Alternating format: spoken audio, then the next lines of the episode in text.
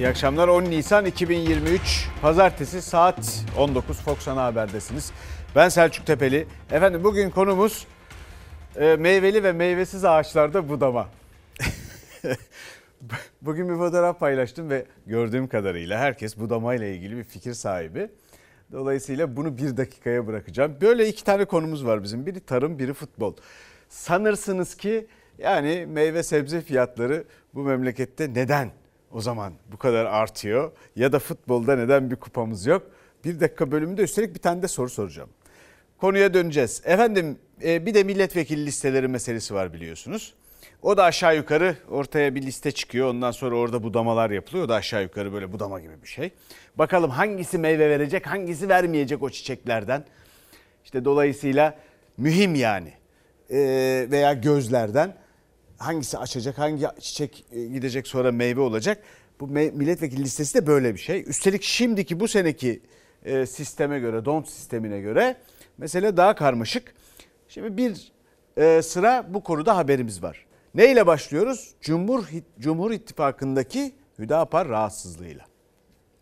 Hüdapar sözcülerinden birkaç tanesinin Hizbullah'ı terör örgütü olarak görmüyoruz demesi kabul edilebilir bir şey değildir. Hüdapar'ın Cumhur İttifakı içinde yer almasına Büyük Birlik Partisi Genel Başkanı Mustafa Destici'nin tepkisi sürerken Hüdapar Genel Başkanı Zekeriya Yapıcıoğlu ile birlikte 4 Hüdaparlı isim AK Parti listelerinden seçime giriyor.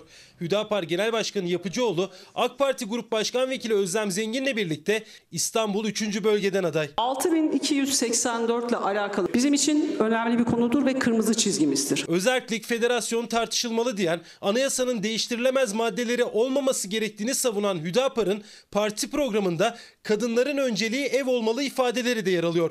İstanbul Sözleşmesi'ni savunan ailenin korunması ve kadına yönelik şiddet yasası kırmızı çizgimiz diyen Özlem Zengin İstanbul 3. bölge 2. sıradan aday.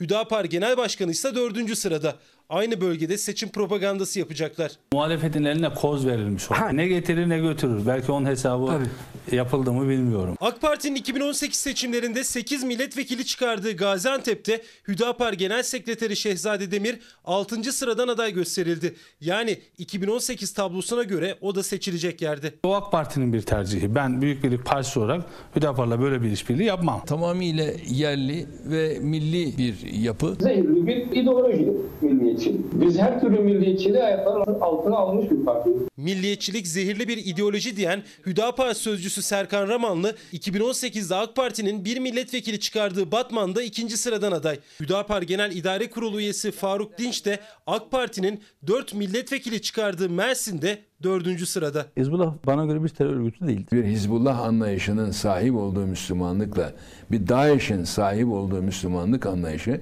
Allah bizden uzak etsin. Hüdapar Genel Başkanı'nın Hizbullah terör örgütü değil sözleri AK Partili Bülent Arınç'ın Hizbullah anlayışı bizden uzak olsun temennisi duası. Hizbullah'la anılan Hüdapar'ın AK Parti listesinden seçime giriyor olması 14 Mayıs'a giden sürecin en tartışmalı başlıklarından. Efendim bu konuda şimdi de bir fotoğraf var. Bugün bir uçak gemisi açılışı vardı biliyorsunuz. O habere de geleceğiz ama bu sırada bir fotoğraf var ve Zekeriya Yapıcıoğlu Hüdapar Genel Başkanı'yla Mustafa Destici Büyük Birlik Partisi Genel Başkanı yan yanalar. Efendim bu da ayrı bir altılı masa. Meclis Başkanı ile beraber yedili masa. Meclis Başkanı da herhalde bu Cumhur İttifakı'nda öyle görünüyor. Ee, meclisle beraber herhalde bilemiyorum e, netice itibariyle bu eleştiriler yapılıyor ama herhalde e, bundan evvel bir uzlaşma, bir anlaşma da söz konusu ki birlikte fotoğrafta veriliyor. Hiçbir sıkıntı duyulmadan, yaşanmadan. Dolayısıyla bu anlayışlar, şimdi bakın bir şekilde dolaşıma giriyor. Bu da önemli. Yani Hüdapar anlayışı nedir? Üstüne konuşulmuyor. Hüdapar anlayışı diye bir şey var ama üstüne konuşulduğu çok olmuyor. Ona vakit yok. Keşke vakit olsa da konuşsak. Böyle dolaşıma giriyor, normalleşiyor, sistemin içine karışıyor filan falan. Ey ey. Peki bakalım şimdi AK Parti listelerine. AK Parti listelerinde de büyük çaba vardı. Listeye girmek e, biliyorsunuz 3 dönem e, kuralı var e, AK Parti'de de. Efendim onların arasında çok büyük çaba gösterenler oldu. Ama ne yaptılarsa listeye giremeyenler de oldu. Bu bir bayrak yarışıdır. Aday listesinde ismi olsun olmasın. Tayyip abi ihaneti bırak sırtımızda taşımamız lazım ya ayakkabısını elimizle yalamamız lazım. Tayyip Erdoğan'ın ayakkabısını yalamamız lazım diyen AK Parti Ordu Milletvekili Şenel 7 Yıldız liste dışı kaldı. Daha önce de 2023 seçimlerinde verilecek oyları ibadetle kıyaslamış, Erdoğan için verilecek oyların namazdan, oruçtan, haçtan daha önemli olduğunu söylemişti. Erdoğan'ı peygambere benzetmişti ama AK Parti'nin milletvekili listesine giremedi. Ekonomik sıkıntı çekebiliriz. Normal şartlarda ayda bir kilo iki kilo et yiyorsak yarım kilo yeriz. Domates iki tane alırız ya. Alım gücünün düşmesine karşı eti gramla sebze meyveyi taneyle tüketme tavsiyesinde bulunan AK Parti Elazığ Milletvekili Zülfü Demirbağ da yeniden aday gösterilmeyen isimlerden. Kuyruk nereden kaynaklanıyor biliyor musunuz? Araç sayısı fazla ondan kaynaklı. Zamlarla ilgili benzin istasyonlarında bir kuyruk yok. İbrahim Aydemir AK Parti Erzurum Milletvekili. Akaryakıta gelen zamlar sonrası ucuz akaryakıt alabilmek için oluşan araç kuyrukları için nedeni zamlar değil araç fazlası demişti. AK Parti listesinde sıralamada yer bulamadı. Eski SPK Başkanı Ali Fuat Taşkesenlioğlu'nun kardeşi Zehra Taşkesenlioğlu rüşvet iddialarında adı geçti. Hakkında suç duyuruları da olan Taşkesenlioğlu da aday gösterilmedi. Mehmet Ağaroğlu Tolga Ağar da AK Parti listesinde kendisine yeni dönemde yer bulamadı. Allah korusun bir saldırı olabilir. Uzaklaş bak içeri çemkiriyorsun ya tükürük geliyor içeriye uzaklaş. PTS kayıtları Kime düşmüş. Tamam, ya böyle tamam. Milletvekili ara- zaman Erdemli'ye gelsem bu pislikle Milletvekili aracı Makam aracını durduran trafik polisine sarf ettiği ağır sözlerle gündeme gelen AK Parti Mersin Milletvekili Zeynep Gül Yılmaz da yok listede. İsmail Ağa cemaatine bağlı Hiranur Vakfı'nın kurucusu Yusuf Ziya Gümüşel'in 6 yaşında bir kız çocuğunu istismarı sonrası kurduğu 6 yaşındaki çocuğu kimse başına bela etmek istemez cümleleri çok tartışılan AK Parti Kayseri Milletvekili Hülya Nergis Atçı da Son 2-3 aydır psikolojik yapısındaki bozulmaları fark edince ikinci elemanı aldık. Onu gönderemeden kendisini gönderdi. Listeye giremeyen bir diğer isim AK Parti milletvekili Şirin Ünal. Özbek vatandaşı Nadira Kadirova, Şirin Ünal'a ait silahtan çıkan kurşunla hayatını kaybetmişti. 5 yıldır yürüttüğüm Hatay Valiliği görevinden devlet büyüklerimin de müsaadeleriyle 14 Mayıs 2023 tarihinde yapılacak olan milletvekili seçimlerinde memleketim Sivas'tan aday aday olmak üzere ayrılmış bulunmaktayım. Depremde en çok etkilenen Hatay'ın valisi Rahmi Doğan AK Parti'den Sivas'ta aday olmak için istifa etti ama aday olamadı. Hatay İl Sağlık Müdürü Mustafa Hanbolat da listeye giremedi. CHP'den milletvekili seçilen Memleket Partisi'nin kuruluşunda yer alan son olarak AK Parti'ye geçen Mehmet Ali Çelebi ise İzmir 2. bölge 4. sıradan aday gösterildi. Fakat AK Parti 2018 genel seçimlerinde İzmir 2. bölgeden sadece 4 vekil çıkarabildi. Milletvekili olabilmek için Ağrı Belediye Başkanlığı görevinden istifa eden Savcı Sayan da İzmir 1. bölge 6. sıradan aday gösterildi. AK Parti bu bölgeden de 4 vekil çıkarabilmişti. Sayan'ın sırası da riskli. Listenin sürprizi Ankara 2. bölge 5. sıradan aday gösterilen Ankara Büyükşehir Belediyesi eski başkanı Melik Gökçek'in oğlu Osman Gökçek. Eski meclis başkanı Mehmet Ali Şahin'in oğlu Cem Şahin, Bülent Arınç'ın oğlu Mücahit Arınç da listede. Koltuk elimizde kaldı. Binali Yıldırım, Meclis Başkanı Mustafa Şentop, Ali İhsan Yavuz gibi 3 dönem kuralına takılanlar. AK Parti'nin milletvekili listesinde %65 değişim yaşandı. 181 vekil liste dışı kaldı. 63 vekil 3 dönem kuralına takıldı. Efendim gördünüz. Şimdi bir, bir kere bu siyasetin artık bu yalama vakalarından filan kurtulması lazım Türk siyasetinin. Bu hani minimum ihtiyaç duyacağımız şeydir şu hayatta. Olur mu? Olur mu? Bu listeler bir genel başkanın iki dudağı arasında hazırlandığı sürece olur mu? Olmaz tabii ki. Bunlara ön seçim gerekir. Geleceğiz oraya da. Fakat evvela şu yalama vakalarından bir kurtulsun bu ülke. Yalnız bir gençlik e, gençleşme e, hareketi var gibi lanse ediliyor.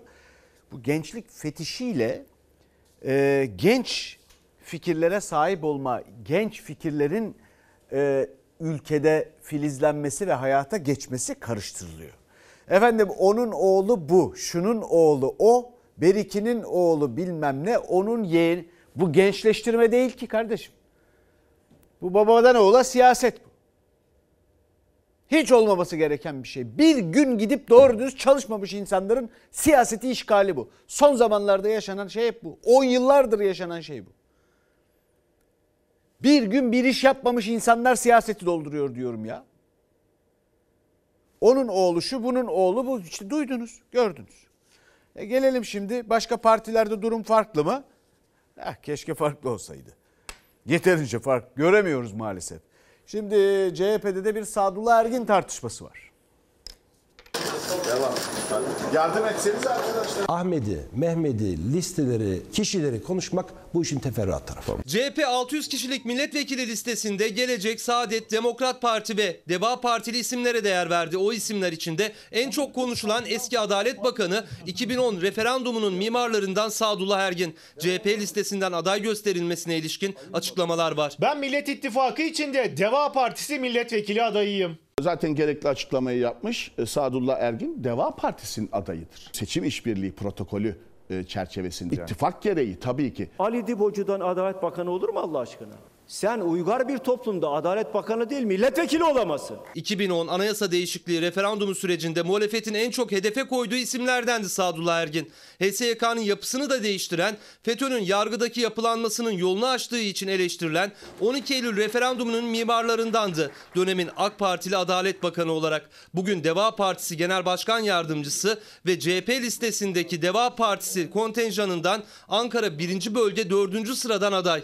Biz isimler üzerinden giden bir süreç yürütmedik. Siyasetler kişiler üzerinden yürümez. Siyasetler partiler üzerinden yürür. Fikirler üzerinden yürür. Tepkiler olur. Tepkiler olacaktır. Seçim işbirliği protokolü çerçevesinde Deva'nın diğer adayları gibi CHP listesindeyim. Bu Deva'nın tasarrufu CHP'ye yüklenilmesini doğru bulmuyorum. Listelerde yer açtığınız partilere e, şu isim olsun bu isim olmasın Tabii. dediniz mi? Diyemeyiz. Bu doğru da olmaz zaten. Belli yerler, sayılar belirlenir. Onlar adaylarını gösterirler. Mevcut 134 milletvekilinden yarısı liste dışı kaldı CHP'de. 74 ilde 581 aday gösterilirken 7 ilde İyi Parti ile ortak liste gereği aday gösterilmedi. Saadet Partisi'ne 24, Deva Partisi'ne 25, Demokrat Parti'ye 3 ve Gelecek Partisi'ne 19 kişilik kontenjan verildi.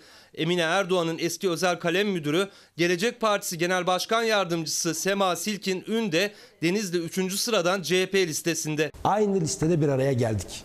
Ve bunun da ne kadar kıymetli bir şey olduğunu biliyoruz. Bunun ne kadar zor bir şey olduğunu biliyoruz. CHP tarihinde ilk kez başörtülü milletvekili adayları da listede. CHP Parti Meclisi üyesi Sevgi Kılıç İstanbul 1. bölgeden aday gösterildi. Ayrıca İyi Parti kontenjanından Berna Sukas İstanbul 2. bölge 9. sırada. Deva Partisi kontenjanından listeye giren Elif Esen İstanbul 1. bölge 7. sırada. Türkiye Değişim Partisi Genel Başkanı Mustafa Sarıgül de CHP'nin milletvekili çıkaramadığı Erzincan'da birinci sıradan aday. Şimdi bu durumu anlamak mümkün. Bir defa yani bir yere kadar anlamak mümkün. Ondan sonra bir aması var. Şimdi 6 parti 77 aday. Elbette Türkiye'de pek çok e, ideolojik çizgiden ülkenin genel havasına bir uyum sağlanması gibi bir süreç yaşıyoruz. Hatta bunu ben tetrokraması diye adlandırmıştım. Bir dördüncü rengin, renklerin e, efendim siyasetinin adı gibi e, demiştik. Şimdi ideolojiler çünkü ideolojiler ve partiler eskimeye başladı. Artık cevap vermiyorlar. Dolayısıyla yani bir yerde harmanlanması, siyasetin içine katılması herkese iyi bir şey. Fakat tartışmalar var. Karşı tarafta da bakıyorum iktidar tarafında da bu kadar geniş bir şekilde bir e, katılımın ve bir harmanın söz konusu olması bir şaşkınlık yaratmış, huzursuzluk yaratmış filan. Sonrasına bakacağız. Çünkü bunların hepsi gidip ayrı grup kurabilir, şu olabilir bu. Fakat bu memleketin bir çap, çapasının, çıpasının olması lazım. Yani bir ana fikrinin olması lazım. O ana fikir efendim FETÖ'ydü bilmem neydi böyle tarikatlardı. İşte e, başka Menzil ya da İsmail Ağa ya da bilmem başka bir tarikat filan değil. Bunlara sırtını dayamış insanlar ya da o hissi verecek insanlar ya da durumlar değil. Cumhuriyet ve vatandaşları, Cumhuriyet kanunları ve önünde eşit vatandaşları, dolayısıyla fırsat eşitliği, dolayısıyla bir kader ortaklığı, dolayısıyla böyle bir ahenk. Bunun dışına asla çıkılmamalı, çıkılması düşünülmemeli dahi. O yüzden de yani buna buna bir bakılsa iyi olur yani biraz. Şimdi gelelim İyi Parti e, ve e, listesine aynı zamanda. E, efendim Türkeş'in kızı İyi Parti listesinde. Ve 15 Mayıs'ın şafağında Türkiye tarih yazacak. Söz mü? Türkiye tarih yazacak sloganıyla seçim kampanyasında başlattı İyi Parti. Milletvekili listesinde ise mevcut 36 milletvekilinin 25'i yer almadı. Sinan Ateş cinayetiyle ilgili babamın kemikleri sızlıyor açıklaması yapan Alparslan Türkeş'in kızı Ayyüce Türkeş Adana'da liste başı. AK Parti'de Tarım Bakanlığı yapan Ahmet Eşref Fakıbaba Ankara 1. Bölge 2. sıradan aday oldu. Eski Bakan Lütfullah Kayalar ise Yozgat 1. sıradan aday gösterildi. Başvuru yaptığım İstanbul 2. bölgede dahil herhangi bir bölgeden milletvekilliğine aday gösterilmedim. İstanbul Büyükşehir Belediyesi İyi Parti grubu üyesi Taylan Yıldız aday gösterilmemesini bu sözlerle açıkladı. Listede adı yer almayan halen Genel Başkan Başdanışmanı olarak görev yapan Aytun Çıray ise milletvekili adaylığından feragat ettiğini açıklamıştı. 15 Mayıs'la beraber Türkiye küllerinden doğacak. İyi Parti'nin Diyarbakır listesinin başında il başkanı Vecdin Ensarioğlu yer alıyor. Eski devlet bakanı ve İyi Parti Genel Başkan Yardımcısı Mehmet Salim Ensarioğlu ise İstanbul'dan aday gösterildi. MHP lideri Bahçeli'nin eski özel kalem müdürü Ömer Karakaş Aydın'da birinci sırada yer aldı. Çöken karanlığı dağıtmak için Mart 2023'te İyi Parti'ye katılan eski AK Partili ve Nevşehir eski belediye başkanı Rasim Arı Nevşehir birinci sırada. İçişleri eski bakanı İdris Naim Şahin de Ordu birinci sıradan aday gösterildi. Edip Safter Gaydalı Bitlis, Baver Miroğlu İstanbul'dan aday. Yerel seçimlerde adaylık başvurusunu zamanında seçim kuruluna iletemediği için belediye başkan adayı olamayan eski Mersin Büyükşehir Belediye Başkanı Burhanettin Kocamaz da Mersin birinci sıradan milletvekili adayı gösterildi. 6 lider de 6 parti de muazzam bir çalışma yapıyor. Hukukçu Ece Güner İstanbul 2. Bölge 4. sıradan İyi Parti listesinde. Futbolcu Gökhan Zan Hatay 2. sırada yer aldı listede. Ünal Karaman Konya 1. sırada. Bilge Yılmaz, Birol Aydemir, İsmail Tatlıoğlu, Durmuş Yılmaz gibi isimlerin seçimi kazanılması halinde iktidarda görev verilmek üzere aday yapılmadığı açıklandı. Şimdi şunu görüyorum yalnız kimse riske girmek istemiyor. Hatta bu seçimde sanki bu aday listeleri seçmen açısından da daha bir ilgi çekici. Sadece partiler açısından değil üstünde bayağı matematik, bayağı kafa yoruldu filan bunların. Şu don sistemi yüzünden filan.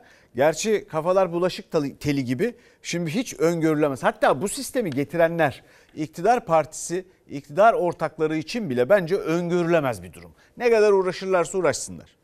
Yani 2002'de böyle bir benzer bir sistem uygulanmıştı filan iktidara yarayacak zannedildi. AK Parti'ye yaramıştı o vakit.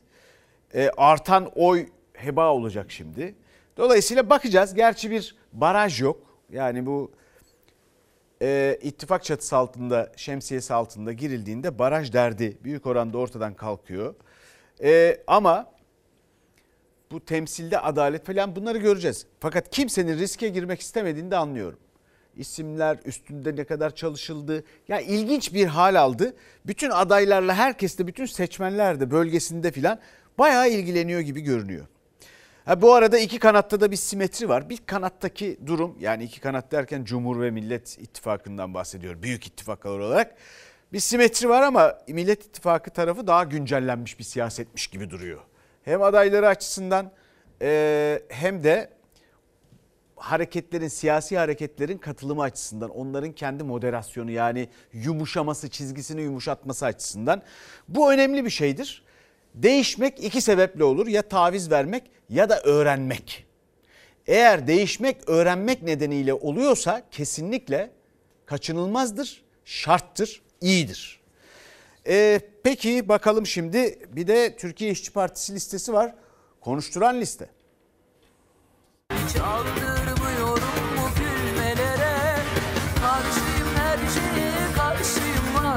35 gün kaldı. 35 gün sonra 20 yılın talanını, karanlığını, yalanını, soygununu bitiriyoruz. Hesap soruyoruz. Türkiye İşçi Partisi İstanbul'da Lütfü Kırdar Kongres Salonu'nda milletvekili aday toplantısı yaptı. Oyuncu Mehmet Aslantu, Serhat Özcan'la dikkat çeken milletvekili listesi gibi partinin seçim müziği de ses getirdi. Sezen Aksu'nun Karşıyım şarkısıyla seçim kampanyasını başlattı. Karşıyım her şeye karşıyım var vekillik sırası için ne fırtınalar koptuğunu hepimiz görüyorsunuz. Türkiye İşçi Partisi'nin Türkiye'de belki de en güçlü olduğu yer Hatay. Sevgili Barış yoldaşım dedi ki can çıkacak dedi can. Hatay Milletvekili Barış Atay tutuklu avukat Can Atalay'ın milletvekili seçilip cezaevinden çıkması için Hatay adaylığından feragat etti. Türkiye İşçi Partisi'nin en güçlü olduğu illerden Hatay'da birinci sıra Soma katliamında, tarikat yurdu yangınında ailelerin avukatlığını yapan, Gezi davasından tutuklu olan Can Atalay'ın. Barış Atay Antalya ikinci sıradan aday. Cezaevindeki yoldaşı çıksın diye, milletvekili olsun diye bırakmış bir yoldaşımız var. Gurur duyuyoruz biz onunla. Emek ve Özgürlük İttifakı içinde yer alan tip 49 il 53 seçim bölgesinde kendi aday listesiyle seçime girecek. Genel Başkan Erkan Baş İstanbul 3. bölgede 1. sıradan, Ahmet Şık İstanbul 2. bölgede 1. sıradan, Sera Kadıgil ise İstanbul 1. bölgede 1. sıradan aday gösterildi. Çorlu tren katliamının sorumlularıyla hesaplaşacağız. Çorlu tren faciasında 9 yaşındaki oğlu Oğuz Arda Sel'i kaybeden, yıllardır hukuk mücadelesi veren bir anne Mısra Öz. O da tip İstanbul 2. bölgeden milletvekili adayı. Devlete verilen her kuruş verginin izini süren, gelir adaleti konusunda mücadele veren vergi uzmanı Ozan Bingöl, Ankara 3. bölge 1. sıradan aday gösterildi. Yıllardır halktan çaldıklarıyla lüks içinde yaşayanlar, bu memleketin havasını, suyunu, toprağını peşkeş çekenler, mafyalar, avantajcılar sesimizi duyun size sesleniyoruz. Çaldığınız her kuruşun hesabını mutlaka soracağız. Ünlü oyuncular Mehmet Aslantuğ ve Serhat Özcan da Türkiye İşçi Partisi'nin milletvekili listesindeki dikkat çeken isimler. Aslantuğ Muğla'dan, Serhat Özcan Balıkesir'den aday oldu. Gazeteci Umur Talu da İstanbul 3. bölgeden 3. sırada aday. Şimdi efendim bir kıymetli izleyicimiz demiş ki milletvekilliği bir meslek değildir. Milletvekilliği emekliliği kaldırılmalıdır. 55 bin lira emekli maaşı bu nedir ya? Doğru. Dolayısıyla milletvekilliğinin bu kadar cazip bir şey olmaması lazım.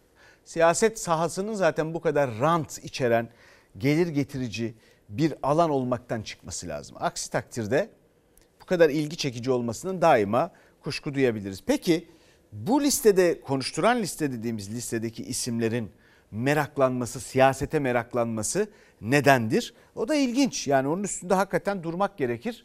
Bir değişimin arifesinde olduğumuz için mi? Bir ucundan yeni bir Türkiye açısından bir hayal kurmayı paylaşmak istedikleri için mi? Ne bileyim çevrelerine bir şey göstermek için mi bir kısmı ünlü isimler filan? Yani e, ilginç, ilginç. Yani bu katılımlar da ilginç gerçekten. Siyasete yani çok eğlenceli bir saha olduğunu düşünmediğim için söylüyorum. Siyasete girmeyi tercih etmeleri ilginç. Şimdi bir de HDP listesine bakalım. HDP'de iki dönem kriteri. Seçime hazır bir hale geldi. Yeşiller ve Sol Gelecek Partisi seçimlere Yeşil Sol Parti listelerinden katılacağız. HDP kapatma davası nedeniyle Yeşil Sol Parti çatısı altında seçime giriyor. Listede yer alan isimler kadar olmayanlar da dikkat çekici. Mevcut milletvekillerinden 33'ü iki dönem kuralı nedeniyle aday gösterilmedi. Onlardan birisi Garo Paylan. Neden bir tek Türkiye'de bu kadar planla işliyor ve 2 yılda, 3 yılda, 5 yılda bir yurttaşlarımız enkaz altında kalıyor? HDP'nin meclisteki önemli isimleri Filiz Kerestecioğlu, Felek Nasuca, Semra Güzel, Erol Katırcıoğlu, Murat Çepni, Oya Ersoy ve Serpil Kemalbay da iki dönem kuralı nedeniyle milletvekili listesinde yok. İki dönem kuralı eş başkanlar Pervin Buldan ve Mithat Sancar için uygulanmadı. Buldan Van, Sancar Şanlıurfa birinci sıradan aday. Arşivler ortada. Ben kendimden uydurmuyorum. Sırrı Süreyya Önder çözüm süreci döneminde İmralı'daki görüşmeleri yürüten heyetteydi. Bir dönem aradan sonra Yeşil Sol'un İstanbul 1. Bölge 1. sırasından aday gösterildi. Eski milletvekili Sırrı Sakık da yeniden Ağrı'dan milletvekili adayı oldu. Adayımız kim olursa olsun aday isimlerine takılmayın. Takılacağınız tek şey Yeşil Sol olsun. Gazeteci yazar Hasan Cemal İstanbul, gazeteci yazar Cengiz Çandar Diyarbakır'dan aday gösterildi Yeşil Sol listesinde. Şanlıurfa'nın Suruç ilçesinde AK Partili İbrahim Halil Yıldız'ın da karıştığı kavga sonrası ailesinden 3 kişiyi kaybeden, aylardır adalet nöbeti tutan Ferit Şen Yaşar da Şanlıurfa'dan aday gösterilen isimlerden. Efendim Garo Paylan listede yok. İkinci dönem kuralı nedeniyle televizyoncular üzgün bence. Çünkü konuşkan bir e, milletvekili e, bayağı da e, şey e, nasıl denir analitik bakıp konuları ifade edebiliyor. O bakımdan televizyoncular bence üzgündür. Onun dışında şimdi bakıyorum bu yani gerçekten eski yüzler konusunda onları göstermek konusunda emin mi partiler? Bilemiyorum bir daha bilmiyorum ya. Gerçekten ne bileyim. Çünkü bazen de bazıları kendilerinin karikatürüne dönüşüyorlar zamanla. Öyle bir mesele var. Siyasette böyle olmamak lazım. Yani siyasette tekrar tekrar ederek bir süre sonra kendi karikatürüne, kendi karikatürün halinde tekrar sahneye çıkmak gibi bir girişime başlamamak, başvurmamak, yol açmamak lazım sanki. Ama neyse biz ne anlarız. Devam edelim efendim. Ne anlarız derken ezikliyorum elbette. Şimdi arkadaşlarım da diyorlar ki bu ne demek yani filan der gibi. Gerçi bir soğandan bahs geçti ama ee, bunun soğanla çok alakası var. Birçok şeyin şu anda Türkiye'de soğanla çok alakası var. Bütün bu kampanyanın ve şu anda işte Millet İttifakı Cumhurbaşkanı adayı Kemal Kılıçdaroğlu'nun e, söylediği gibi e, muhalefetin de soğanla çok, çok alakası var. Asıl mesele soğan dedi Kılıçdaroğlu. Gerçekleri örtbas etmek için PKK iftiraları, seccade üzerinden din istismarı, Marteliçka'yı Urgan'a benzetmeler gibi türlü türlü tuhaf, yapay gündemlerle sizleri kandırmaya çalışıyorlar. Siz kıblenizi biliyorsunuz. Kıbleyi bilmeyenler tabii ki seccadeye ayakkabıyla basar. Bakınız Asıl gündemimiz bu. Şu an bile bunca ağzın kilosu 30 lira. Soğan bu yahu soğan. Soğan soğan. Utanmıyorlar. 14 Mayıs seçimler öncesinde siyaseti ısıtan polemiğin simgesi Seccade miting meydanlarındaydı bu kez. Erdoğan İstanbul Pendik'te alanda ellerinde seccade ile tezahürat yapanlara seslenirken Millet İttifakı'nın Cumhurbaşkanı adayı Kılıçdaroğlu'nu hedef almıştı. Akşamında cevap soğan hatırlatmasıyla geldi Kılıçdaroğlu'ndan. Biliyorlar ki ben geldiğimde demokrasi gelecek, para akacak, yatırımlar akacak, dövizler düşecek, alım gücünüz artacak, bolluk bereket gelecek. Bu kadar basit. Bunların hepsi mutlaka olacak. Ha o kalırsa bu elimdeki kuru soğan olacak 100 lira. Bunlara asıl kıblenin neresi olduğunu 14 Mayıs'ta siz bildireceksiniz. Artık inandırıcı olmadıklarının da hayli farkındalar. Bundan dolayı da korkunç bir iftira, yalan, dolan propagandasına başladılar. Millet İttifakı'nın Cumhurbaşkanı adayı Kılıçdaroğlu evinin mutfağından ses verdi. Gerçek gündem bu diyerek soğan fiyatları üzerinden vatandaşın mutfağındaki yangına dikkat çekti. Erdoğan'ı yapay gündemle gerçekleri saptırmak ve kara propaganda yapmakla suçladı. Bu arada ne söyleyeyim? Her türlü terörün Allah bin belasını versin. Dinimizin arkasına saklanıp da her türlü alavereye dalavereye bulaşanların da Allah bin belasını versin. Anlıyorum anlıyorum. Seccadeyi niye gösterdiğini anlıyorum. Ben yoluma dürüst ve samimi, ister dindar, ister inançsız, ister Türk, ister Kürt, ister Sünni, ister Alevi olsun insan gibi insanlarla devam edeceğim. Benim tek kriterim budur. Kılıçdaroğlu'nun seccade tartışması ve terörle işbirliği üzerinden Erdoğan'a verdiği yanıtlar. Efendim şimdi geleceğiz. Soğan'a da geleceğiz. Diğerlerini ama bir e, açılış var e, bugün hem İstanbul'da hem e, ülkeyi ilgilendiren açılışlar hem de e, aynı zamanda şehirleri ilgilendiren İstanbul'u ilgilendiren açılışlar. E, Cumhurbaşkanı Erdoğan biliyorsunuz çivi bile çakmadı demişti. Ekrem İmamoğlu için. E, Ekrem İmamoğlu'nun icraatları ile ilgili olarak çivi bile çakmadı demişti. Ekrem İmamoğlu da Amasya'dan cevap verdi. Yaptıklarımı anlatmaya bir gün yetmez.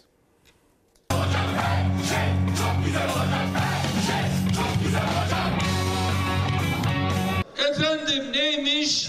Çivi bile çakmamış diyor bana. Bak bak bak bak bak. Üç yılı geçti. İstanbul'a bir çivi dahi çakamadı. Ben de diyorum ki Allah aşkına bir gün beni davet et anlatayım ama bir gün bile yetmez hizmetlerimi anlatmaya bir gün. Bir gün. Cumhurbaşkanı Erdoğan'la Ekrem İmamoğlu arasında çivi çakma polemiği yeni günde de devam etti. İmamoğlu Erdoğan'a Amasya ve Tokat mitinglerinden seslendi. Memleketimizi yöneten Sayın Cumhurbaşkanı İstanbul'a gelip İstanbul Belediye Başkanı'na laf atmaz.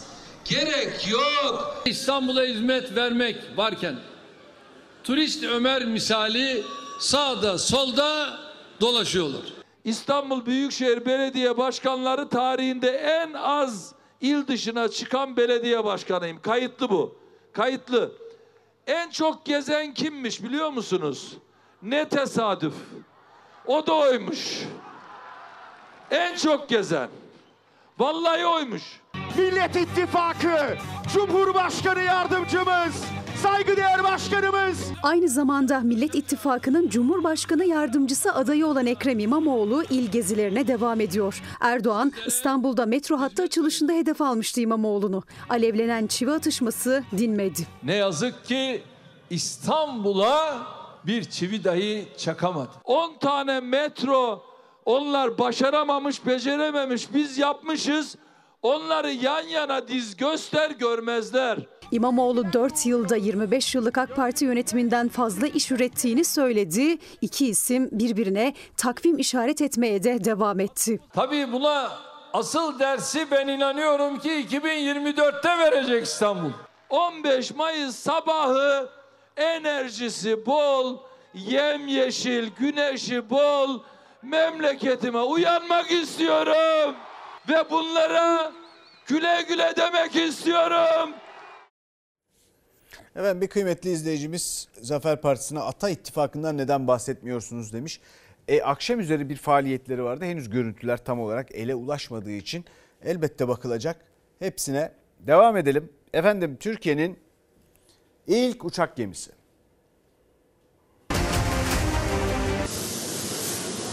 TCG Anadolu dünyanın ilk SİHA gemisidir. Kendi alanında dünyanın ilk savaş gemisidir. 231 metre uzunluğunda 32 metre genişliğinde alanının en donanımlısı aynı anda 10 helikopter ya da 11 SİHA konuşlanabiliyor. İçindeki havuza 4 mekanize çıkarma gemisi girebiliyor. Türkiye'nin ilk uçak gemisi TCG Anadolu Türk Silahlı Kuvvetlerine teslim edildi. Bu gurur tablosunu bize yaşatan herkese teşekkür ediyorum. F-35 Bravo'ların bu gemide kullanılması ile ilgili görüşmeleri ilk yapan amiral benim. O, o görüşmeden yani bu belki tesadüf de olabilir. 20 gün sonra tutuklandım.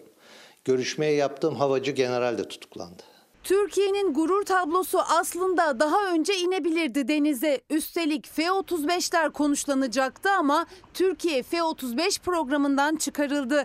Yerli SİHA'ların konuşlanacağı gemi ise FETÖ kumpaslarında komutanların cezaevine girmesiyle gecikti. Emekli Amiral Cem Gürdeniz'e göre. Kumpas davalarda bir gecede 53 amiralin neredeyse 20'ye yakını tutuklandı.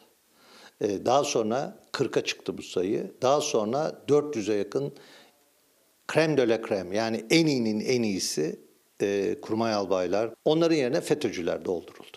Eğer bu dediğim bu üstün nitelikli birinci sınıf amiral ve subay kadroları e, tasfiye edilmeseydi bu gemi 2023'te değil de 2020'de rahat rahat hizmete girerdi. Türkiye'nin kendi gemisini tasarlayan, geliştiren, inşa ve idame eden 10 ülkeden biri olması kuru bir slogan değil.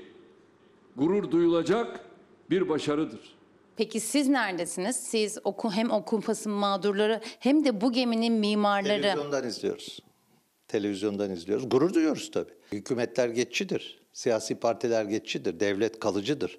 Bahriye kalıcıdır. Uçak gemisi projesinin ilk adımları 90'lı yıllarda atıldı. Projenin asıl hızlandığı dönemse donanmanın altın komutanı olarak tanınan ancak daha sonra balyoz kumpası mağduru olan Oramiral Özden Örnek'in donanma komutanı olduğu yıllardı. Emek veren komutanların çoğunun çalışmaları o dava süreçleriyle durdu. Kumpas mağdurlarından biri de Mavi Vatan'ın isim babası emekli amiral Cem Gürdeniz'di. Türk Silahlı Kuvvetleri'nin yeni yıldızının doğuşunu uzaktan seyretti. Ben bugün ordu evlerine giremiyorum.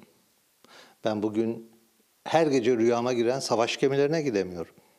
Ama benim Bahriye sevgimi, hatıralarımı, geçmişimi, gücümü alabilirler mi? Mümkün değil. Evet uzun vadeli projeler. Ee, %70 yerli. Ee, tam bir uçak gemisine dönüşmesi için ikinci etap projeye e, başlanacak. Hayırlı uğurlu olsun. Önemli. işe yarayacağından eminim. Fakat bir F-35 meselesi var. Burada onu teferruatına girmek istemiyorum. Çok anlattım biliyorsunuz.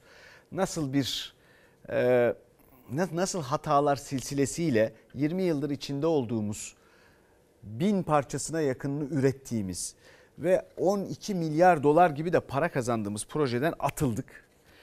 Onu da tekrar etmeyeceğim. Fakat başka bir şey söyleyeceğim. Bakın bu projeyle ilgili olarak şimdi bir yandan da proje paylaşılamıyor. Eski emekli askerlerde e, bir yandan biz başlattık diyor. Doğru bunlar kısa zamanda bitecek projeler değil. Efendim şimdi tabii e, bir yandan e, işte seçim şeyi olarak seçimde bir avantaj olarak iktidar tarafından gösteriliyor. Eyvallah ona da diyecek bir şey yok. Fakat eski askerlerle şimdiki iktidar arasında değişmeyen bir bakış açısı bir anladığım kadarıyla NATO kafası var. Bu ülke bir deprem yaşadı.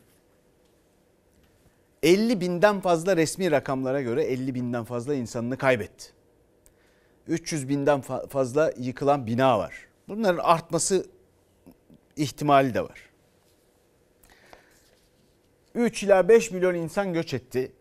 Türkiye daha ilk günden dünyadan yardım istedi. Değil mi? Size geçen sordum dedim ya. Peki bir ülke, Türkiye gibi bir ülke böyle bir enkazla nasıl karşılaşabilir? Bu nasıl olabilir? Nasıl kabul edilebilir bu? Caydırıcılık dediğiniz şey elinizdeki silahlarla ilgili bir şey. İHA'larla, SİHA'larla, onların uçacağı gemilerle ilgili bir şey değildir sadece. Dışarıdan bakan adam şöyle bakar. İnsanının canını kurtaramıyor bunlar daha. 50 binden fazla insan kaybeden doğal afetlerde dünyada kaç ülke kalmış ya?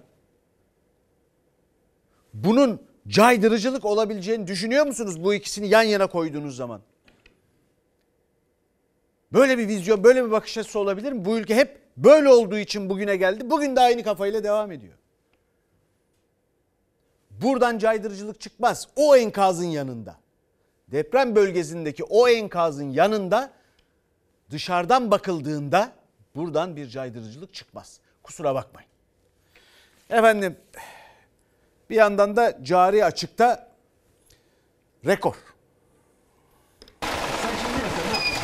Geldiğimiz noktada tarihin en yüksek cari açıklarından biriyle karşı karşıyayız. Bunların kafası basmaz. Ben ekonomistim. Hükümet bize ne diyordu?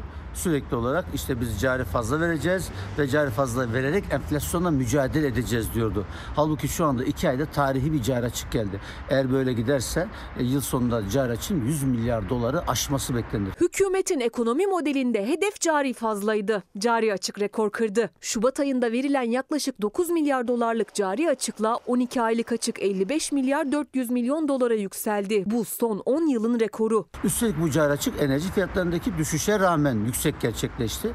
Tamamen Türkiye ekonomi modeli denilen modelin çöktüğü anlaşılıyor. Ekonomi gözlerdeki ışıltıdır. Ya bu saçma iktisat politikasını, bu liyakatsiz kadroları çıkarıp Türkiye'yi ehil ellerde mantıklı ve makul bir ekonomi politikasıyla yönetiriz ya da maalesef bu günleri bile arar hale geliriz. Cari fazla vermeye başlayacağımız günler inşallah yakındır. Cari fazla vermeye başlayacağımız günler yakındır dediği günden bu yana her ay daha büyük bir cari açıkla karşı karşıya kaldık. Faiz sebep, enflasyon neticedir. Aralık 2021'de fırlayan dövizi dizginlemek için yeni ekonomi modeli devreye girdi. Aydan aya faiz düştü, dolar çıktığı yerde kaldığı gibi enflasyon yükseldi. İş gücü ise ucuzladı. Hedef istihdamı arttırmaktı. O da olmadı. TÜİK Şubat ayının işsizlik rakamlarını açıkladı. Ocak'ta %9,7 idi. Şubat'ta işsizlik yeniden çift taneye yükseldi. Üretim olmayan bir ülkede işsizlik düşmez. Türkiye'de üretim yok. Üretimin kapasitesini artıracak yatırım da maalesef yapılmıyor. Yatırım, istihdam, üretim, ihracat, cari fazla üzerine kurulu Türkiye ekonomi programımızı uygulamayı sürdürüyoruz sürdüreceğiz. İhracat rakamlarının yerinde saydığını görüyorsunuz ama ithalat rakamı füze gibi artıyor. Dolar kuru üzerinde ve döviz üzerinde ciddi bir baskı var. Şu anda hükümetin yapmak istediği tek şey seçime kadar arabayı devirmeden götürmek. Gelinen noktaya bakar mısınız? Bunlar Merkez Bankası'nın kapalı çarşıda satın aldığı fiziki dövizlerin taşındığı mobil kasalarmış. Kötü yönetim böyle bir şey işte. Piyasa düzenleyicisi olan para otoritesi sıradan bir piyasa oyuncusuna dönüşmüş. Merkez Bankası eski başkanı İyi Parti Ankara Milletvekili Durmuş Yılmaz, kapalı çarşıdan Merkez Bankası'nın demir sandıklarla döviz taşıdığı iddiasını paylaştı sosyal medyadan. Gelecek Partisi'nden de tepki yükseldi. Merkez Bankası'nın dahi kapalı çarşıda arabalarla para taşıtıp döviz topladığı bir hale geldi bu ülke. Böyle bir Merkez Bankası enflasyonla mücadele edip milletin sorunlarına çare olabilir mi? Efendim bu durumu görüyorsunuz. Ekonomide her türlü gösterge son 10 yılın 20 yılın rekorlarında. Sözde faizi düşürdüler. Son 20 yılın en yüksek mevduat faizleri söz konusu. Krediler şunlar bunlar da hep öyle zaten. Ben başka bir şeyden bahsetmek istiyorum. Ekonomi soğan filan diyorlar ya. Bunu sonra devam ettireceğim bundan sonraki günlerde. Ya şu ezine peyniri bu ülkenin büyük zenginliğidir. Şunu naylon torbaya sarmayın artık kardeşim. Bir şeyin kıymetini bilin ya. Benim diyen peynir üreticisi ülkelerin hakikaten satın alabileceği bir peynir olabilecekken hayatımızda yeri varken şu naylon torbaların içine sara sara her şeyi duman ediyoruz. Zekin bakın zengin olmak, para kazanmak bu detaylarda gizli. Böyle açlık hikayesinde filan değil. Efendim şimdi e, bakalım emeklinin TÜİK çilesine. TÜİK şaşırma, sabrımızı taşırma. Emeklinin çarşıda, markette yaşadığı enflasyon ile TÜİK'in açıklamış olduğu verileri arasında uçurumlar bulunmaktadır. Etiketlere bakılsın, siyasi iktidarın verdiği talimatla TÜİK veri açıklamasın. Enflasyon rakamlarını hesaplayan TÜİK'e isyan etti emekliler. Birleşik Emekliler Sendikası Ankara'da, İstanbul'da TÜİK önünde eylemdeydi. TÜİK'in hesabıyla çarşı pazardaki hesap birbirini tutmayınca emekli enflasyon altında eziliyor. Maaşlarına gerçek enflasyonun yansıtılmasını istediler. Ben bir tek şey sormak istiyorum TÜİK'e. Nereden alışveriş yapıyorsa söylesin bizler de gidelim oradan alışveriş yapalım. İstanbul'da da emekliler TÜİK binasının önüne gelerek siyah çelenk bıraktı. Beni asgari ücretin altında maaş bağlayamaz.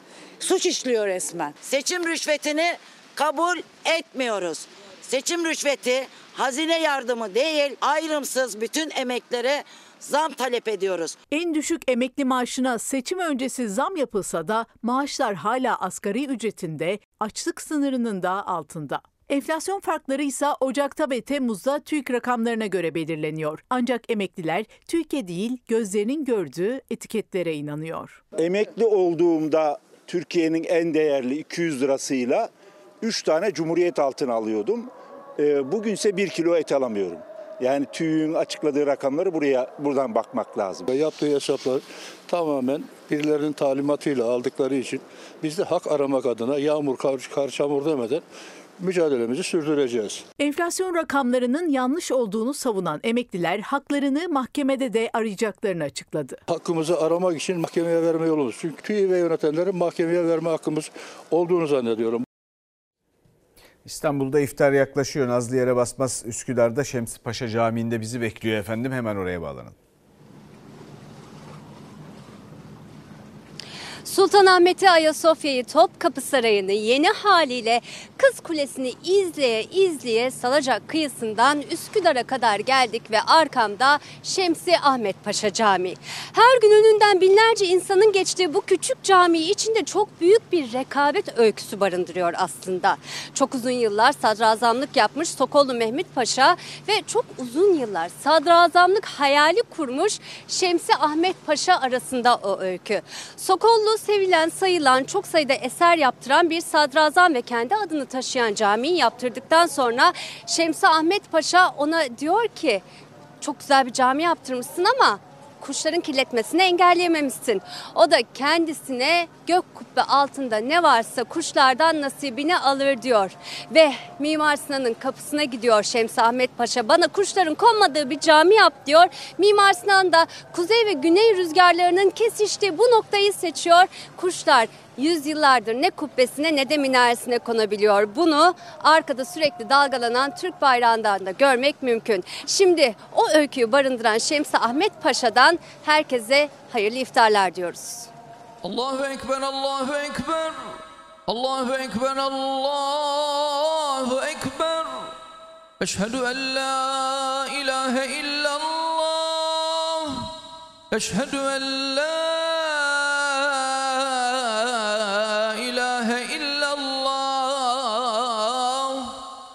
أشهد أن محمدا رسول الله. أشهد أن محمدا رسول الله.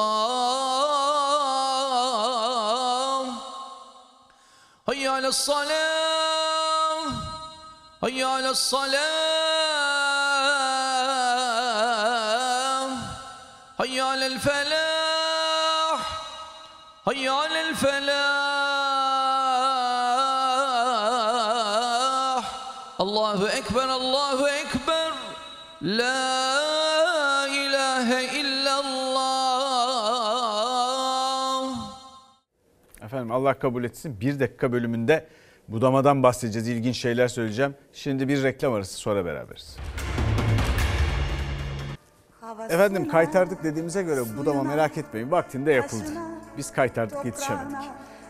Onun dışında belli koşullara dikkat ederseniz budama 12 aydır. Bunların detaylarına gireceğiz. Bugün vaktimiz çok kalmadı. Bizden sonra Yasak Elma var. Yeni bölümüyle görüşmek üzere.